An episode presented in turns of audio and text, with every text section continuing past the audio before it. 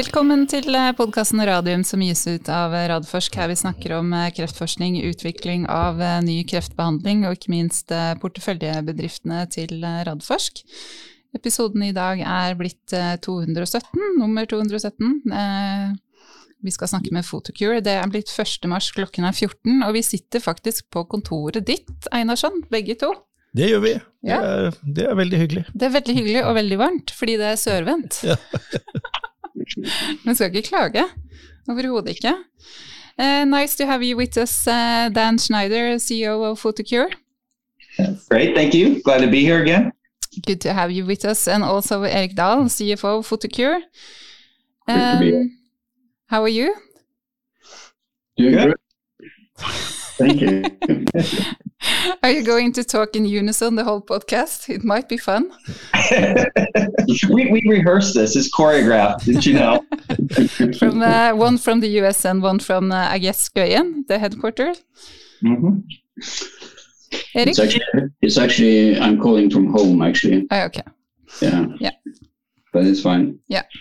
Um, we had uh, quite some uh, news uh, the last week, but we will take them uh, tomorrow uh, in an extra podcast, uh, Jonas, Yeah. where we at, uh, will spend a lot of time on Nordic Nanovector's uh, Q4 uh, presentation. So um, uh, if uh, the listeners have any questions for that, they can send it uh, to me as as usual. But uh, actually, we have uh, one news from your side. Um, actually that we I think we will start with, and this was the publication of the preclinical data that uh, supports the hypothesis that um, I don't think I can pronounce it this right hexaminolevolate and blue light has anti-tumor effects. Um, could you tell a bit about that? Dan? Ah, sure. Um, you know, this is a continuation of a scientific discussion that's been going on for for a few years now. Uh, Dr. Gakis had published it, uh, oh God, five, six years ago at least now, talking about what he saw in terms of clinical um, observations that patients who had cystectomies but also had blue light seemed to fare better than those that had cystectomies and didn't have blue light in terms of uh, recurrence and progression post post resection. So um, we had started down this path a couple years ago when I started. Uh, we've been, I guess, we had been talking about it internally for some time. We started with the original um, mouse model, a rat model, and uh, did an abstract.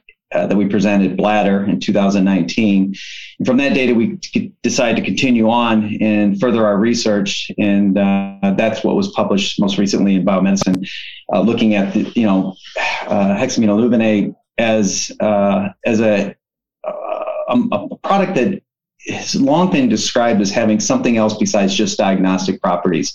And so what we're trying to do is further that that hypothesis that there is some sort of anti-tumor effect going on. It's somehow unlocking the immunologic uh, uh, cascade. Uh, still, still more work to be done, and we are continuing that. So this this was just uh, a second step in that pathway. And I think you know what what we're intending to at this point to do with this is just to feed the scientific exchange and discussion uh, in, in in the community because it's um, it, you know it's it's an interesting topic. It's one that uh, we've had you know various conversations about, but never really had strong data, and so we're just trying to pull some of that data together. If it leads us to further research or you know products, et cetera, uh, then you know we'll do that. But we'll make that decision in the future. But for now, I think it, it just feeds the, uh, the the conversation. Thank you very much. So there's no imminent uh, plans for going into as a more details here, or a, or a clinical study, or Not at this time. We'll, we'll do some uh, some human tissue stuff. We'll probably we may do a little bit more beyond this. The thing I think you have to keep uh, in mind is typically when you're talking about therapeutics in photodynamic therapies, you're talking red light as the therapeutic light dose, not not blue light.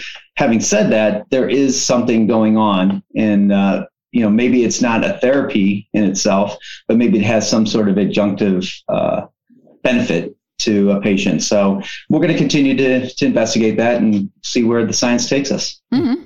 Thank you.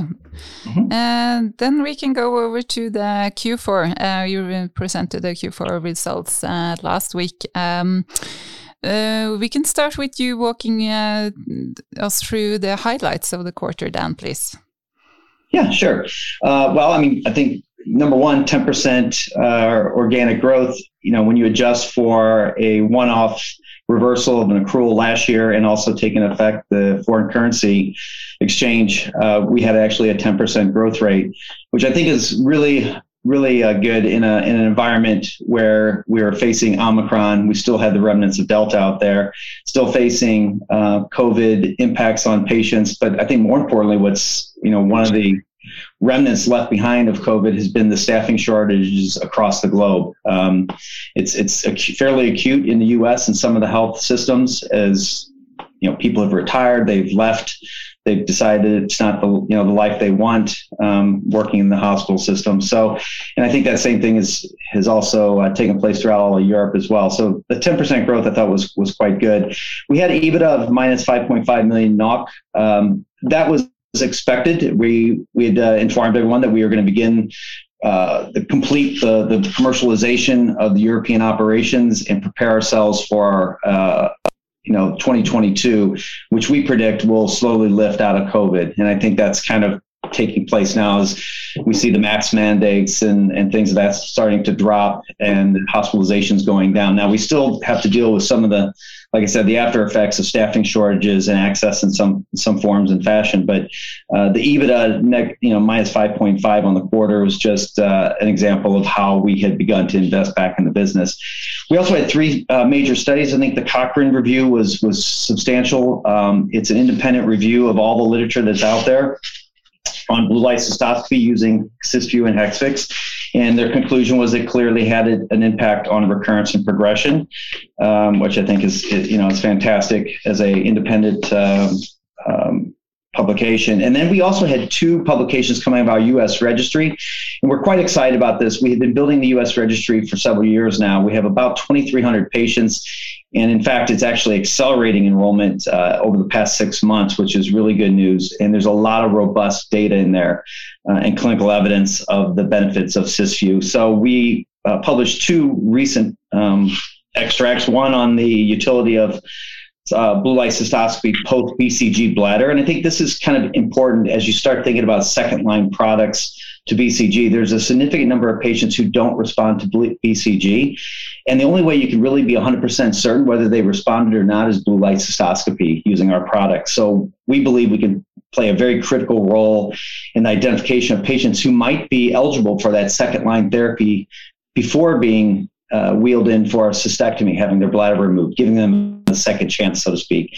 And then the second, uh, the second thing was the role of BLC in detecting invasive bladder tumor, and we, we published that in, in the British Journal of Urology. Um, there's going to be a lot more publications coming out of that registry, also our Nordic registry, which is based on the surveillance market, and then we also obviously are partnered in many ways with the Danish registry, and that's a, a very very large database. So that was very very good. Uh, and I think so. You know, more coming this year. And then uh, we had expansion partnership news. We went live with Canada. Um, I'm very excited about this. You know, it's one of those serendipitous opportunities where it presented itself. The, the partner wasn't really doing the best job. As, as everyone who's listened to me for quite some time now, we hold ourselves accountable. And we hold our partners accountable. And when when that doesn't happen, we have to make changes. So we had the opportunity to make that change and go direct in Canada. It was a natural extension of the North American business. Um, we support it out of the US, but we have a, a first key account manager in Canada now. Uh, that individual just started in January. And we had our first orders uh, received, placed, shipped, and collected the money. So everything's going well in Canada. And uh, we're very excited about it. And, and I think as, as, you followed the news on this, you know, the guidelines have been uh, have been uh, updated with blue light cystoscopy in a very good position. And then we've also got uh, multiple uh, HTAs, health technology assessments going on in the various provinces of Canada, which then leads to funding and then opens up the market. And we already have existing, I think, about 15 accounts up up there. And then the other one is China initiating the early access program in the Hainan region. Uh, that's began in December. And then here in uh, January, February, we announced that the CTA uh, was approved for starting of the Chinese trial for Hexvix in China. We expect uh, enrollment uh, middle of this year and it's it's coordination of you know our CRO, which we're running the trial because it's RMA, uh, the uh, the the Asieris organization and also Richard Wolf. Uh, all three are working together to make sure those protocols are lined up. When we'll enroll the first patients. The intention and hope is that we have that completed by the end of the year, early next year, submit and hopefully have an approval by the end of 2023 for launch in late 23, early 24. So we will, we'll see. So that was uh, kind of the big headline news. Thank you so much. Uh, Erik, have you something to add on the financial uh, side? Yeah, I'd, like to emphasize what what Dan already said. I mean, the, the fourth quarter was a good quarter. We had volume growth in, in both regions and, and a growth in install base in US, and uh, given in spite of a very difficult market situation. So, and you have an EBITDA. Uh, Dan was pointing out uh, the fourth quarter EBITDA. Now, if, if you look at the full year EBITDA, it's a growth of 22 million from, from full year 2000, I mean, 2020. So uh, that, that is a significant improvement, and it's driven by the increased EBITDA from the inclusion of the European business, as well as revenue growth in, in, in our US business. So it, it's it's been good. Good year. Good year. That's great to hear. Uh, Jonas, do you have anything to remark before we move on? No, I don't think anything more to comment. Uh, uh, I agree. It's uh, been a good year for for Photocure, though it has been a tough market and uh, with with the new Omicron uh, wave there. So uh, I think they managed pretty well in that. the the new Karl Storz light, Dan, is that more old news, or can you update me on that? Yeah, well, it's the I think you're right. I didn't actually catch the whole question. It's, it's Karl Storz's. You mean as far as what are the key features for it? Is that your question, or no? Uh, how how it's going with the enrollment with uh, with, with the new blue light? So, oh, okay. Yeah, gotcha. Yeah, so they announced that the FDA did approve their new system, um, which had uh, multiple benefits over the existing system, which is well over a decade old. We are building a strong pipeline behind that. I, I don't usually give exact numbers to that, but I can tell you that there's a lot of interest uh, for the blue light system. And we had uh, one of the key opinion leaders in the U.S. had the opportunity to go to the Karl Storz uh, facilities in Los Angeles to see the system firsthand, and it was uh, there was a, someone who had taken an iPhone picture of him, you know, with the the uh, camera head in hand, and he flipped from white light to blue light, and his jaw dropped, and he just said, "Oh my God, I can't believe what I'm seeing here." Yeah. Um, it's been that it's that dramatic um, for for the physicians. I think what's what it does is it offers us multiple uh, solutions to problems we've had in the past. One is the visualization, which I think, you know, for some of these doctors, like the key KOLs who are on the cutting edge of, of bladder cancer um, you know those individuals will will resect under blue light when it's that vivid imagery you know and that clear. The second is the light hours of this of the scope itself. The old system uh, would dim over time and it's kind of like the the parable of the frog you put it in water and slowly turn up the heat. It doesn't realize it's cooked until it's cooked you know kind of thing. The same with the light. They wouldn't realize the light had dimmed to the point where they just couldn't see it anymore. And of course when that got to that point they were aggravated and frustrated and they pushed the blue light system into the corner until someone figured out that it needed a new light bulb. That's not going to happen with the new system. It has new light cables uh, that allow traditional or, or, expected ways of sterilization. The old system had fluid light cables that had uh, a lot of issues with, you know, when they were sterilized incorrectly, um, autoclave, they, they damaged them. And then they get up to do the blue light uh, cystoscopy, finding out that as soon as they plugged everything in, it wasn't working. And they'd have to again, roll the machine in the corner and do the case under white light. Um, they have an answer to NBI, uh, Olympus's system with the chroma red contrast enhancement, and then the ergonomic design. So all of these features are are intended to solve the issues of the old system, which I said, you know, was well over a decade. It was the same system used in the clinical trials and, you know, from 2008, 2010. So this is really exciting news. And in the world of devices, typically these upgrades would be expected every, you know, two or three years. It's not the case in the in the case of this because of the way it was approved under a PMA. It was very difficult, time consuming, and costly for Karl Storz to get this upgrade. But we're really excited about it. Uh, they intend to do their confidence phase testing, which is basically rolling out in 10 centers uh, here in March. March, April. Things go well, they will then go into a full blown launch. We have a co launch meeting with them the end of March. Uh, I know that uh, quotes are going out. I know the pipeline's building, and we're excited about what's going to happen from Q2 forward. Good, thank you. Mm-hmm. Great to hear. Uh, we will talk more about uh, the Karl Storz uh, later on in the in the podcast. I, just want to go back to to the pandemic as it's uh, releasing its grip on us, and uh, hopefully we'll not see a dangerous mutation in the imminent uh, future. Knock on wood. Mm. Um, so you say, I mean, uh, the the business is uh, Photocure. This uh, it has been negatively impacted as is everyone else's, uh, but still you are are excited as to where you are now. And as Erik said, you had a very good last year. Um, can you just uh, elaborate on the status uh, for for the company now and uh, uh what you see as the opportunities and the and the challenges uh, early for 2022? Um, yeah, I think you know. I think the a couple things I point to that make me very optimistic. One is, you know, realizing that the TRBT market as a total has dropped um, by as much as 11% from 2019 levels. In fact, certain times has dropped as much as 30% during that entire period over the last two years, we continue to grow, which means we increased penetration, not by standing still, but actually by aggressively growing forward as well. And we did this in light of the fact that we had reduced installations of blue light systems a, because we didn't have access to all the hospitals, so the ability to install and train uh, and support was limited. And then the other part is, of course, Karl Storz changing its equipment uh, model over mid-year last year. You know, that's basically six or eight months, well, nine months to be honest with you, of reduced installations uh, those for us when you get an installed scope is like an annuity. That's where the where we start driving revenue. Up until that point we we make nothing but once it's installed that's when we start putting Cysview Hexvix through. And that annuity is important to us and when you have a reduction or you know, or a slowdown in installations that affects future revenues. It just sort of pushes things out. In the last two years we've averaged around 44 uh, towers. Prior in you know the last year 2019 as we were changing the parts of the engine in the us um, you know, and, and upping the, our, upping our game on the Salesforce side, we installed 65 units. I expect us coming out of COVID to surpass those uh, those uh, installation rates, and I also expect us to get back to pre-COVID growth rates, which were in excess of 30 percent. Um, you know, which you know, again, in the totality of COVID, we've we've done well, but I think um, we we got to recognize that there was limitations, and we worked the best we could through that. Mm. Great, thank you. Um, when do you think we will see a more normal business situation for you, and what what will you uh, expect to happen there?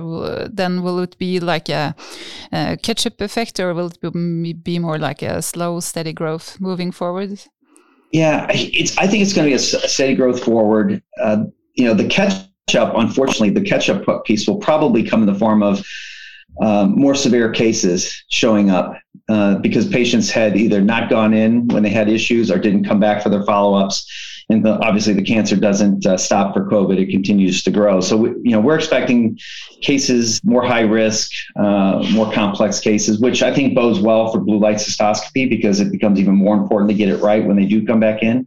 Um, as far as COVID lifting, you know, we're expecting that at least the the elements of patients access and OR access and capacity and stuff to uh, start lifting through the first half of this year. I think we're still going to deal with the remnants of staffing shortages for the rest of 2022. So I think, you know, in my mind, you know, maybe it's it gets back to 90% of what it was by mid-year this year, maybe maybe 85%, 80. I don't know what the exact number will be, but it's, it's certainly not 100%. But as we roll through the year, get into 2023, I think things will return back to normal knock on wood, no additional variants show up. Good, thank you. Erik, uh, on the financial sides, uh, can you say something about uh, your expectations? I mean, they uh, they of course are. Are they? Uh, uh, how are they for 2022 and and beyond? Well, I don't think people will be surprised if I tell people that I expect revenue to increase also this year. Uh, which that's, I do. That's a quite logical uh, assumption to make after what Dan said. So yes, we can agree on that. and what, when people are looking back, looking into my 2021 numbers, they will probably react react on a, on a quite steep increase on spending expenses. Uh, which is very much driven by the, the establishment of the European office. Now, remember, we starting started the year with practical nothing, Uh, and, and then we've been hiring people in, in Europe uh, during the year, as well as starting a little bit of marketing and a little bit of medical programs in Europe, but not very much. Now we come to a level now in moving into 2021 where we're pretty close to what we think we believe in need in terms of staffing but we will continue to, to work with medical programs and also marketing. And particularly medical programs are very important in Europe. Uh, I say all over the world, but in Europe in particular because it hasn't nothing has happened with Ipsen. So, so you know the the, the KOLs are, are really they almost craving for for medical programs to to to happen. So we need to invest in that, but don't expect the the spending in 2022 to increase the same way as in, in 2021. Hmm. Thank you very much. And I have to, to have to ask you as well. I mean, uh, last week when you had your Q4 presentations, uh, the the Russians hadn't invaded uh, uh invaded uh, Ukraine yet, but now we see ourselves uh, less than one week after in a different geopolitical actions. Do you think this will affect the businesses in in Europe, particularly, or for you at a whole? You know, that's a really good question. We, we've talked about it, have staff meeting this week. The, the, you know, currently no. And we've, at, what we've done a couple things. One is our supply chains don't come anywhere near uh, the conflict or Russia directly.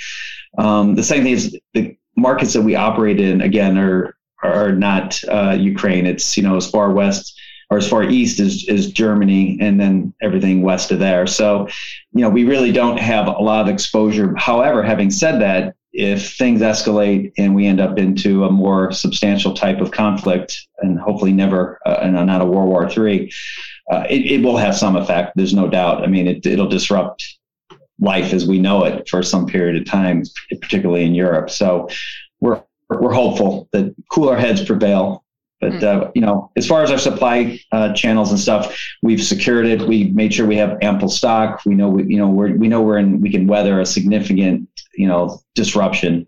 We've made sure of that. Thank you so much. Mm. Uh, we um, we can move over to the U.S. market then and go more into details there. Um, I noticed uh, in the in the presentation you had some very interesting statistics going back to 2011 when sales started uh, in the in the U.S. Um, if we can start with uh, the overall trend, what has been the overall trend for Photocure in in the U.S. so far, and how do you see this trend uh, going in the future? Yeah, uh, you know the trend has really picked up. It's, I think you know when investors take a look at our our investor pack and they go back to the history of of U.S. launch, I have to kind of characterize and contextualize what had happened in the U.S. Um, and, and to a lesser degree, maybe even Europe as well. You know, I think Photocure was, you know, on the cutting edge of photodynamic therapies and diagnostics, and in the and really focused on R and D and then, you know, the opportunity, you know, we had a partner in GE Medical for Europe and they also had them for, for the US and they actually had launched in the US for about 11 months. And then to, into, you know, what they had decided to do is it wasn't a space they wanted to be in and kind of left us with the bag in hand. And we had to figure out what to do with it. And I think we, we went into commercialization the best we could. But when you look at what's transpired over the last couple of years, you know, what you would have expected in the launch years is really taking place uh, in launch years being the first three to five years. You know, it's, these these results are now coming in year, you know, seven, eight, nine, which is kind of not typical. This is also a complex cell, and it requires you know, coordination with you know multiple partners, et cetera. But um, you know, what we're seeing now is uh, an increase in the trend, in the interest. I think the community understands blue light cystoscopy and, and accepts it is a superior technology to white light. And I think, uh, you know, had COVID not hit, I think we would have seen continuation continuation of those growth rates and acceleration. In you know, but unfortunately, COVID kind of dampened it down. But I see that you know the U.S. market returning back to those those strong growth rates that we had prior to COVID mm. in 2020. I, I just noticed also that the graph showing the installations, so towers from 2012 to 2022, as a if you combine both the rigid and the flexible, it looks almost uh, exponential if the uh, growth continues in in the same same manner. Um, is this something you're expecting or guiding on? Yeah, well, we're not guiding specifics on on how many we're going to install, but what I can say is that exp- exponential growth, or at least that hockey stick curve, will continue both on the flex and we believe on the rigid side as well. We know, you know, up until this point with Karl Storz, this old system that's been around for more than a decade has really been a thorn in their side. Um, if you're a device salesperson and selling something that's 15 years old with all kinds of problems and you know it's going to be headaches with your customers is not a fun sell. So they really weren't pushing it. They were supporting it and they would coordinate with us, but we are doing all the heavy lifting.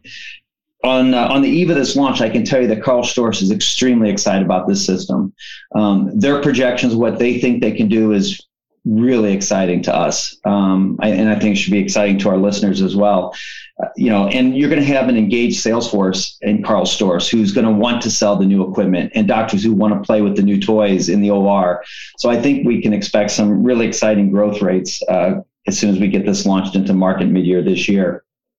And then on the flex side, interesting, not only just in the US, but even in Europe. And unfortunately, in Europe, we don't have a flex system available. Uh, Karl Storz is the only producer of flexible blue light cystoscopy uh, cystoscopes. And unfortunately, the system in Europe uh, isn't available any longer. So we're trying to work with Karl Storz to come up with a solution in the short run for Europe, um, and we may get there by the end of this year. But in the U.S., we obviously have a flexible system. Again, old system has its issues, but it does service uh, serve a, a, purpose.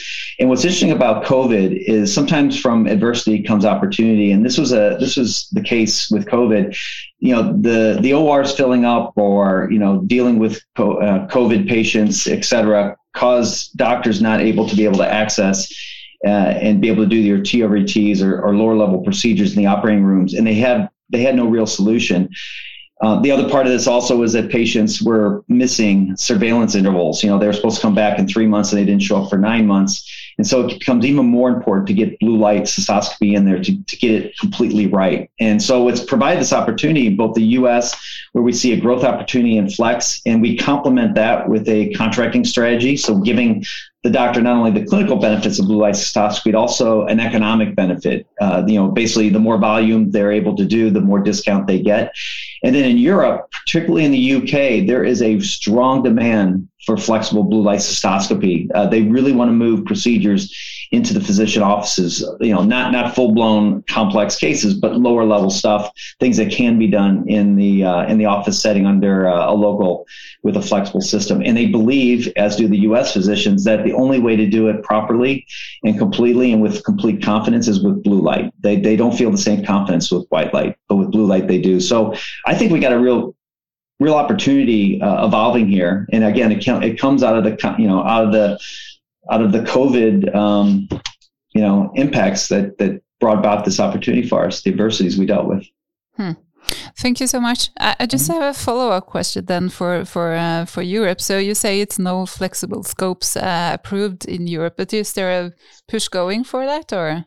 Uh, there is an approved. It's approved. It's just it's it's, it's not it's, in use. Um, there was a yeah there was some change in legislation i mean without get all the details of it about how scopes uh, devices um, are i don't know what the exact word is for it but basically that they would be approved to be used the Karl Storz equipment that was available in Europe isn't available now. They, they haven't they have to work on an approval and an upgrade on that system. Okay. So there are flexible scopes deployed in the Nordics, which supports the Nordic registry. Um, we adapted a, a, couple U.S. systems, or one U.S. system I know for a fact, for our U.K. Uh, account, but that's not really a solution um, to cobble something together, you know, to get it there. So Karl Storz is trying to work on a interim solution for Europe. Um, and then also a longer term solution for the world. And we're, we're hopeful for that. I think for Karl Storz's perspective, I think, you know, to get a, to expect a new blue light flexible system on same level as the rigid system they just rolled out in the US probably is going to come under the guise of probably a down classification in the US. They'll probably push for the down classification so it's not so painful, expensive, and time consuming for them. Mm. So I expect it to be more in that order. You know, they're going to go with what we have today, flex system we have today, but a future upgrade would come uh, on the heels of a of a down classification ruling by the FDA, which is what they would would petition for. Mm. Do you, do you know anything about timelines uh, in that? Instance? I don't. I just know it's their interests. They're pulling together. Um, you know, I, I I'm hopeful that uh, something happens by the end of this year into early next year, but let's we'll have to wait and see. And again, we're dealing with the U.S. government and the FDA, so all bets are off in these circumstances. But, but you know, I think we, we know they have a prior ruling about uh, blue light scopes and saying that it is a, a system that they believe uh, is should be eligible for down classification. They they've already publicized that piece of it. It's just a matter of someone pushing it and supplying it with the data necessary to do that hmm. uh, change. Okay, thank you. So, mm-hmm. uh, if if we talk a bit more about uh, the, the Karl Storz, uh, the high definition blue light system that was FDA approved, um, you said that you were expecting very high uh, high growth, and uh, uh, this is going to go well. Can you do you want to elaborate a bit on that, or? Well, I think, yeah, I, I, think it just sells. I mean, the system was over 15 years old that we currently had, the standard definition. It was like looking at a TV from 1985 a color TV. And yeah, while it's color and it was great, it's just, you know, we're used to 5K, you know, LEDs, and it just it wasn't at the same standard. This new one's going to be exciting uh, for them. Now, I, I, I, I, get asked the question on price. We don't know the exact price of this. I, I have seen one quote. We do expect, and we and I think anyone would expect that this will be a premium to the old system.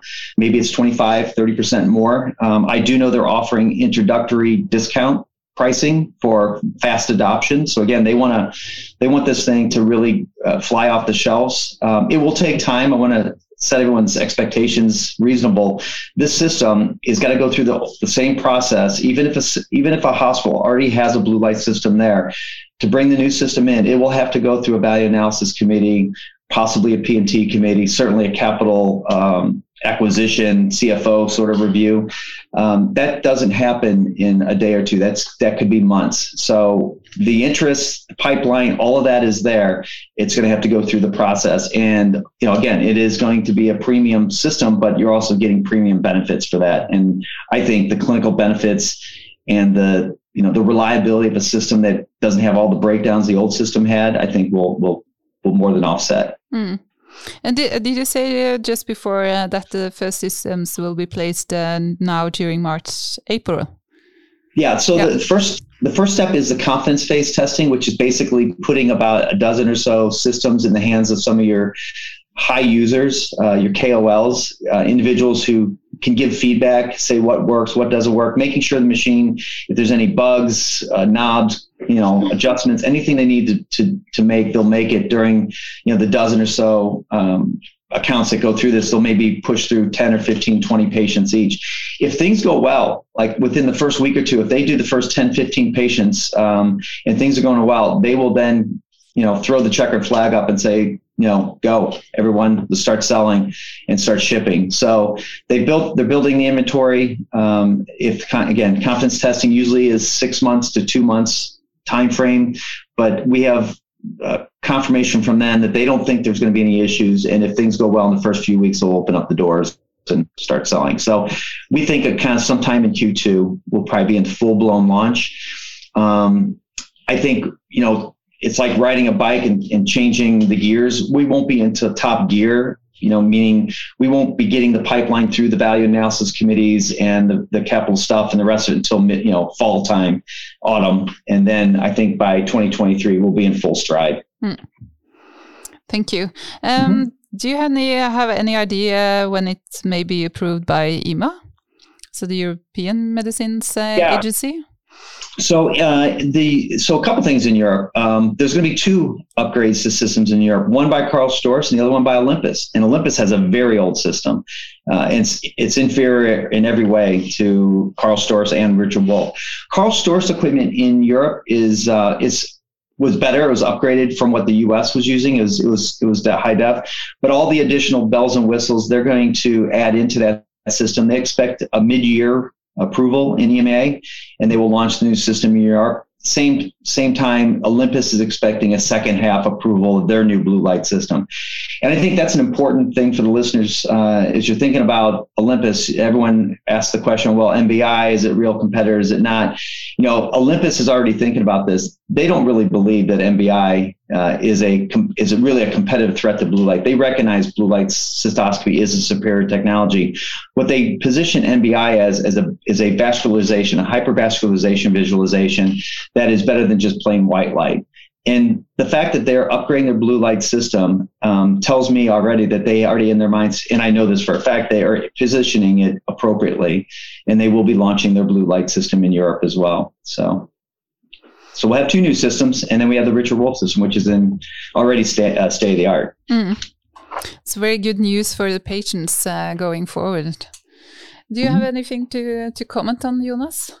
No, I don't think so. I think this is very exciting, and uh, and uh, hopefully this will uh, drive this uh, further on, and uh, just uh, keep our fingers crossed with with everything else that's going on in in the world. But yeah, I think it could be a transformational year for Photocure if you really can roll out these new new systems.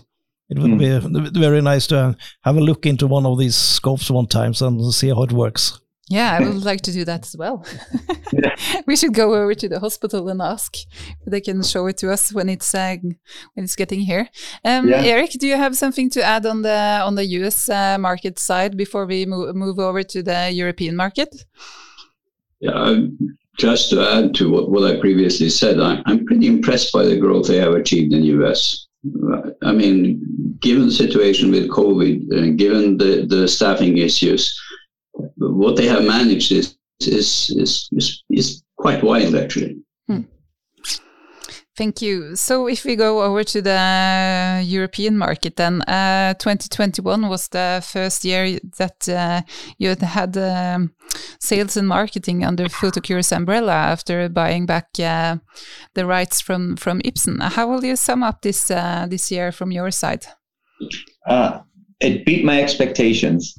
That'd be the headline. And and and, and you know what Erik said even in the presentation, he'll talk about it shortly on some of the financial massaging that we did. Um, kidding, but they the um, you know we put together a model, a business model uh, on this acquisition, and Europe is exceeding that model, and they're exceeding it. And I think you know most times when you take products over between companies transitioning, there's always a transition dip there's a disruption factor. Um, you're bringing on a new, in our case, we're bringing on you know new people, new sales force in the midst of COVID. Access is really limited. Uh, relationships you know may or may not be there because you're hiring new sales force and yet you take a look at you know the markets that we picked up from 2020 uh, you know france was minus 12% trending down italy minus 25% trending down uk minus 37% trending down germany was getting hit a little bit as well.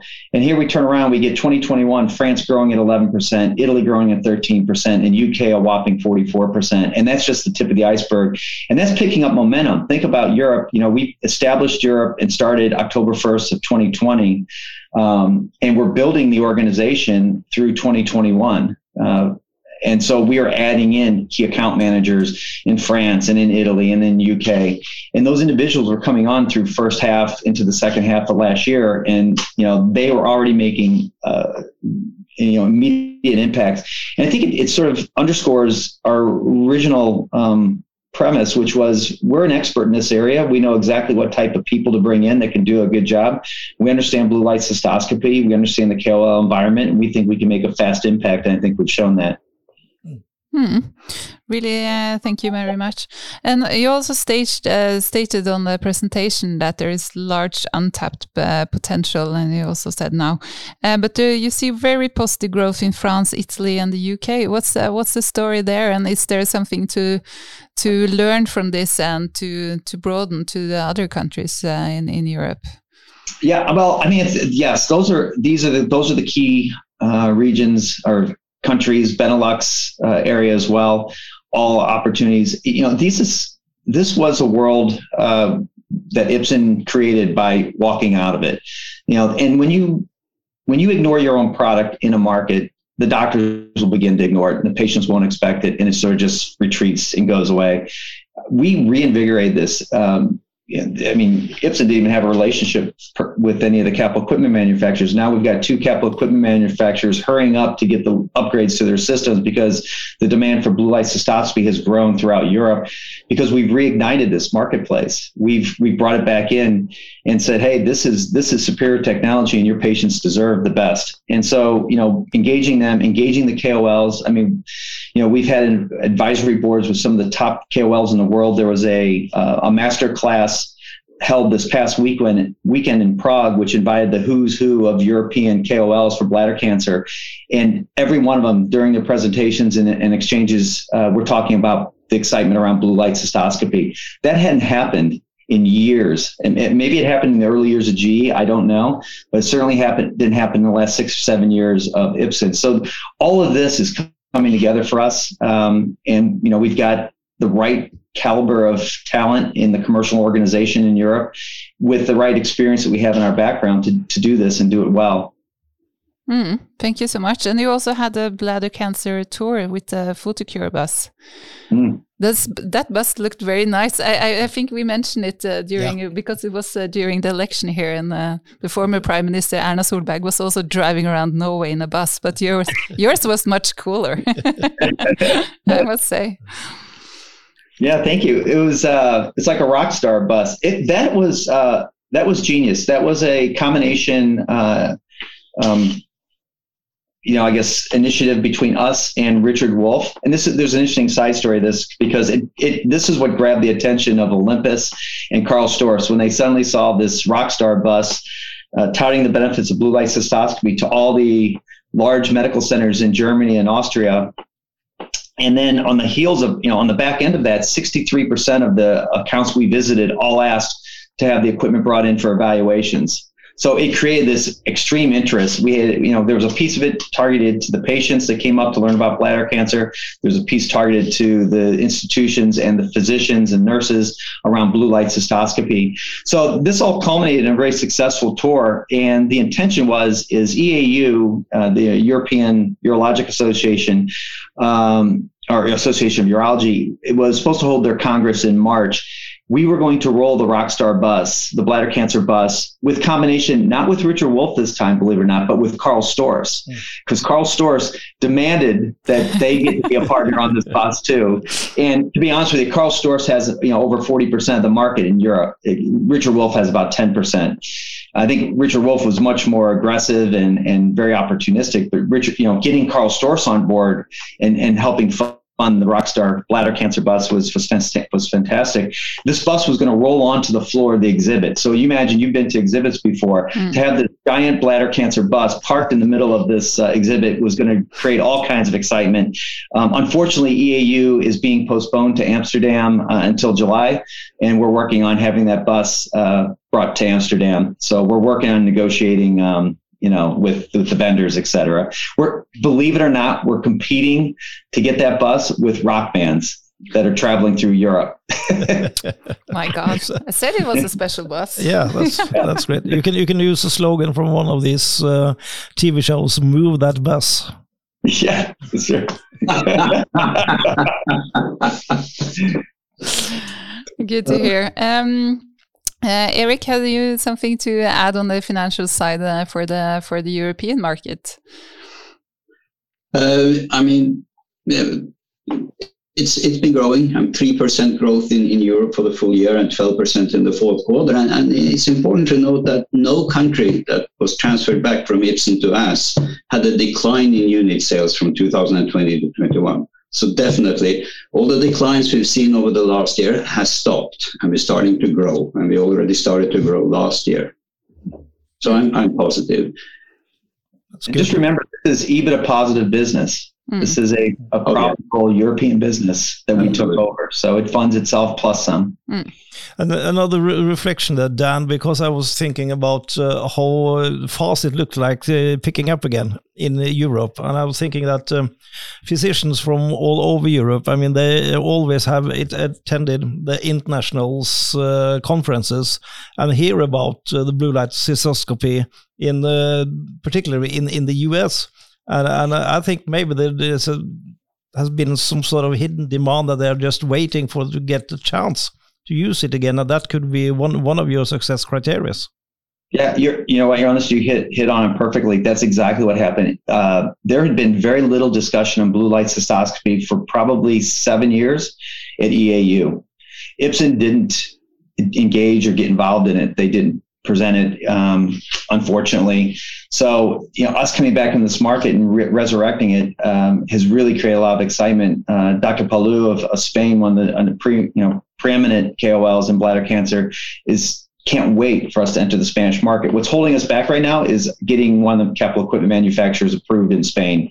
And Richard Wolf, it looks like the one who's going to get there first. So we'll we'll launch with Richard Wolf in Spain. Hopefully that, you know, if we can get that uh, set up and approved, uh, we would be launching in Spain by the end of this year if we can do it. So that's exciting. Hmm. Very good. Very good. It's always nice to have a push from from knowledgeable clinicians uh, who who has the patients. Um, I think we can move over to the partnerships and the expansions uh, around the world. Uh, we can go to China first. Uh, as you said, uh, your partner there, Asieris, uh, has newly approved start for the phase, uh, received approved start for the phase three study of Hexvix um, by the Chinese medical authorities. you mentioned some of the timelines just before, but can you please repeat them then? Yeah, sure. So uh, we have the CTA uh, clinical trial app approved. Uh, we're working with Richard uh, Richard Wolf uh, and with Asieris in designing a coordinated protocol for the launch of the clinical trial. We expect to, we're hoping to have the first patients begin enrollment this summer. Um, we think it'll be a fairly quick trial. There's a lot of patients in China, um, and we have the centers lining up right now through our CRO. So, you know, it's potential that we could have the, you know, we could have the full enrollment done by the end of this year, early next year, and submit. And, you know, if we can really stay on our game, perhaps get an approval by the end of 23, but certainly in early 24. We don't expect any issues uh, with this. The biggest issue is just getting the trial done correctly and training the investigators. And that's been a little bit of a challenge with COVID. Um, you know, trying to travel to China uh, to do the training has, has not been possible at this point. So we're trying to do as much as we can remotely.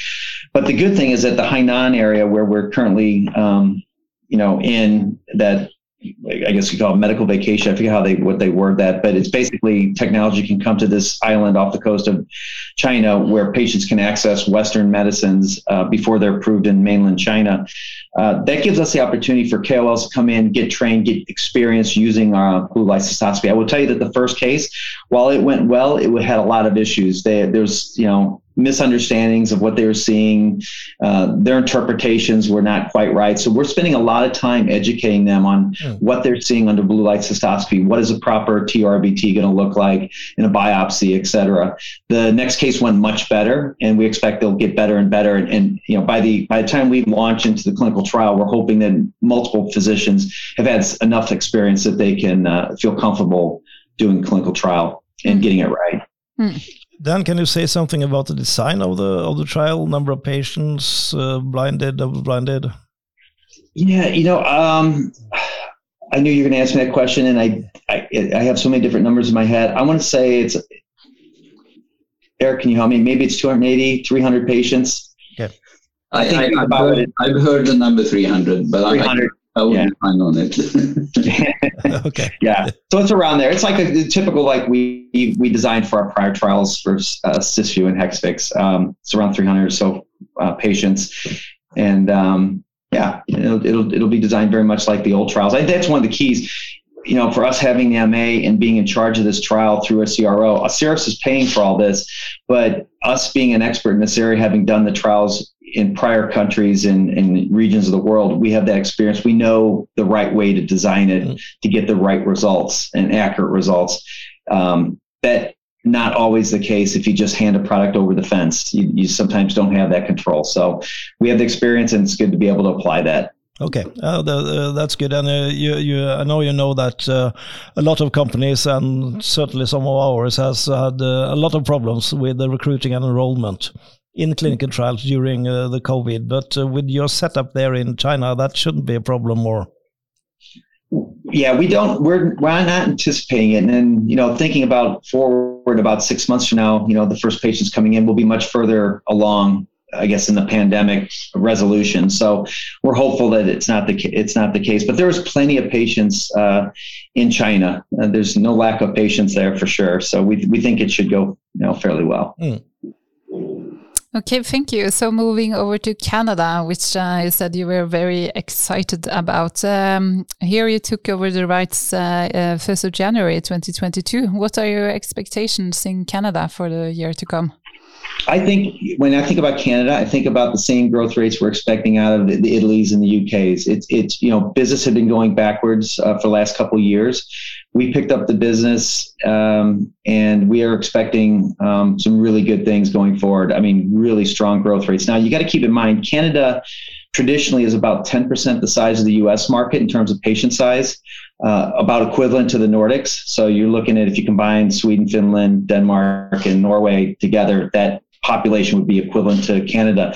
The only thing I would say, though, the Canadian, Canadian um, uh, in market price isn't the same price as the US. US obviously is premium. It's about double everywhere else in the world. So when you think about Canada, while it generally represents about 10% the size in patients in the US, the market value is about 5% because you got to our, our product's about half the price, a little bit more than half the price. And we're going to work on that. We think there's a chance to do some price optimization in Canada um, as we work through these HTAs and our budget impact models, et cetera. But uh, that, that takes time. Hmm.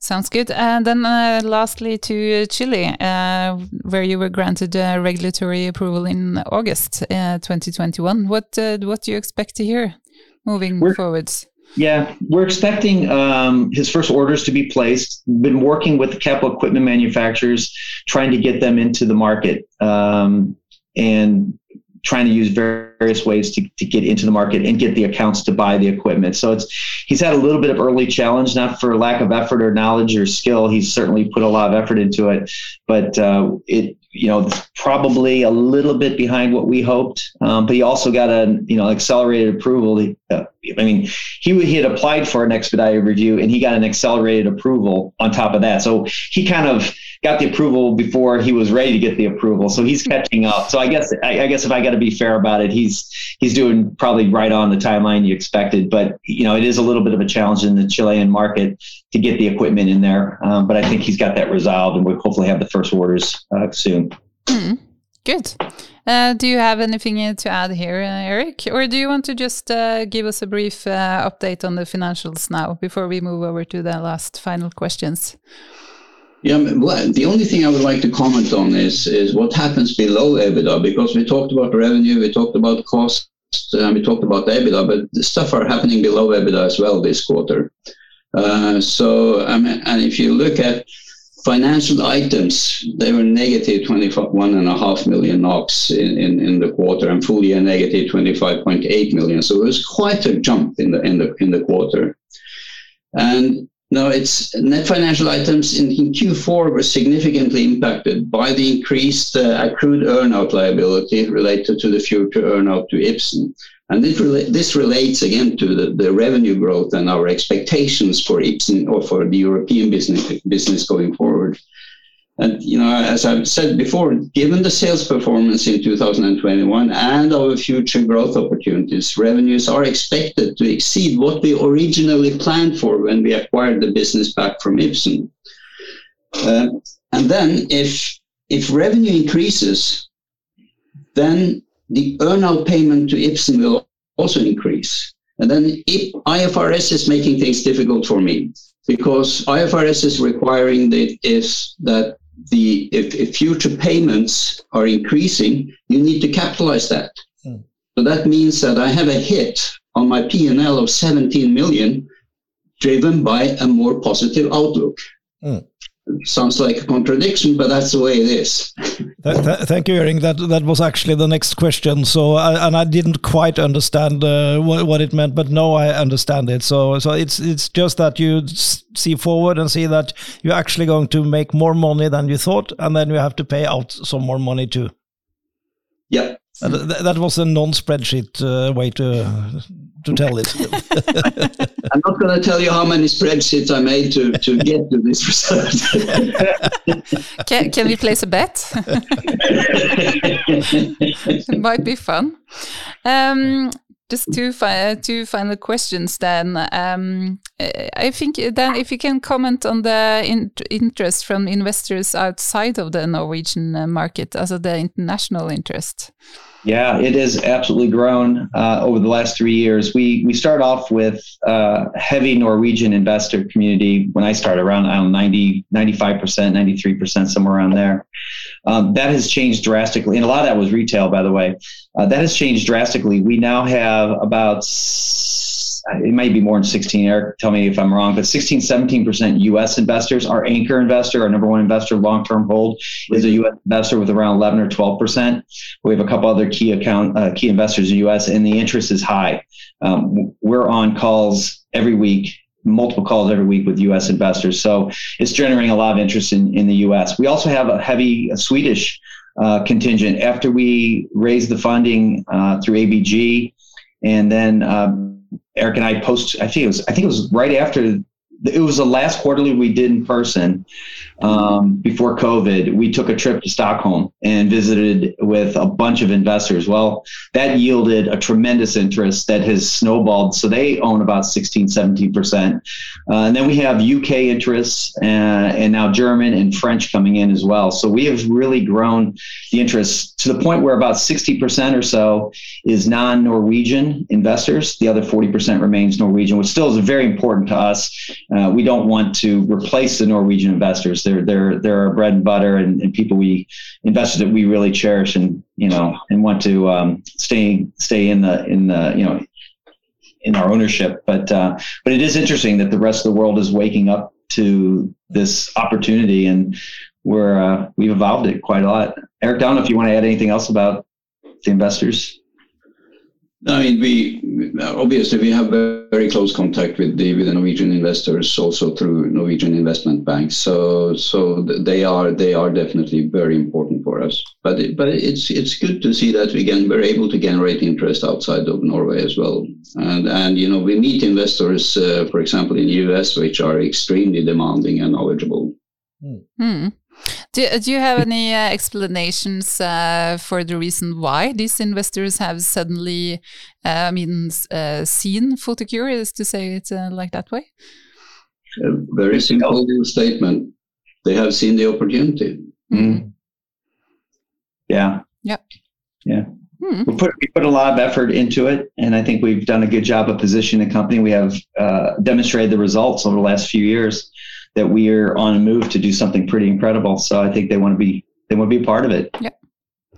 That sounds uh, logical. Uh, so, just final question: uh, What should we uh, expect for the 2022? What are what is there something in particular we should uh, look out for? Um, I think a couple things. I mean, let's hope COVID lifts. I think a successful launch of the Karl Storz system in the U.S. I think the upgraded launches of Olympus and Karl Storz equipment in Europe, all of that will will begin to feed in the momentum and acceleration that we hope uh, that will pick up in the second half of this year. Um, continued data and publications and evidence of the superiority of blue light cystoscopy. Um, you know, we will continue to further the scientific discussion around its immunologic effects. So maybe expect something uh, in the future on that as well. And um, yeah, I think, you know, as part of our strategy, one of the key things that we need to do at the end of the day, we're still a single product company. And I think, you know, we continue to look, and it's not without effort. And there's, you know, anytime you get into the inorganic growth strategies of acquisitions, et cetera, or partnerships, you know, there's always uh, a lot of due diligence that goes into these. And sometimes you find, you know, the skeleton in the closet and you decide it's too much to, to bear. But we, we, we do need, and we do understand that we need to diversify beyond just a single product. And then I think that the other thing is uh, let's see where Survivor goes. You know, we're we're in midst of that enrollment. I know you didn't ask any specific questions about, it. And there's really not a lot of new information other than the enrollments continue forward, um, and hopefully um, they complete that by the end of this year, early next, and there'll be some good news on that as well. Mm-hmm.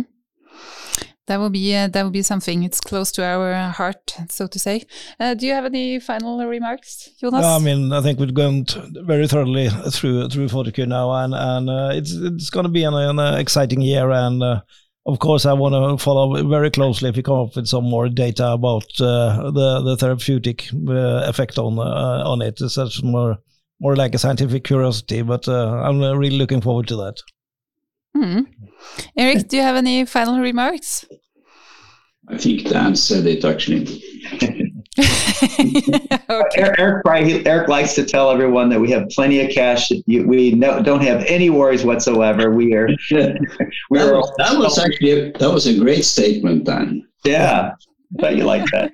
So um, yeah, we're we're a very very strong position and growing. So it's it's uh, no financial risk, so to speak. No. It's, no, I mean, uh, yeah, just, just to add, just to add to that comment from Dan, I mean, if you look at the P&L, you see as quite a significant loss in, in 2020 21. Now, out of that loss, 39 million of our expenses is non-cash. So that explains why the cash flow it looks not that bad. I mean, we had a negative cash flow of 12 million, which reflects the amount that we repaid to, to Nordea, our bank. So it's cool. Yeah. Good.